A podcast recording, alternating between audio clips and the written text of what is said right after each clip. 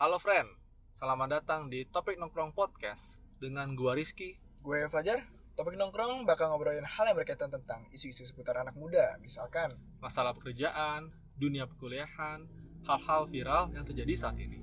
kita juga bakal ngobrolin tentang hiburan nih, kayak film, musik, serial, atau kita bisa bahas tentang buku. Yoi, pokoknya yang relate banget sama kita semua.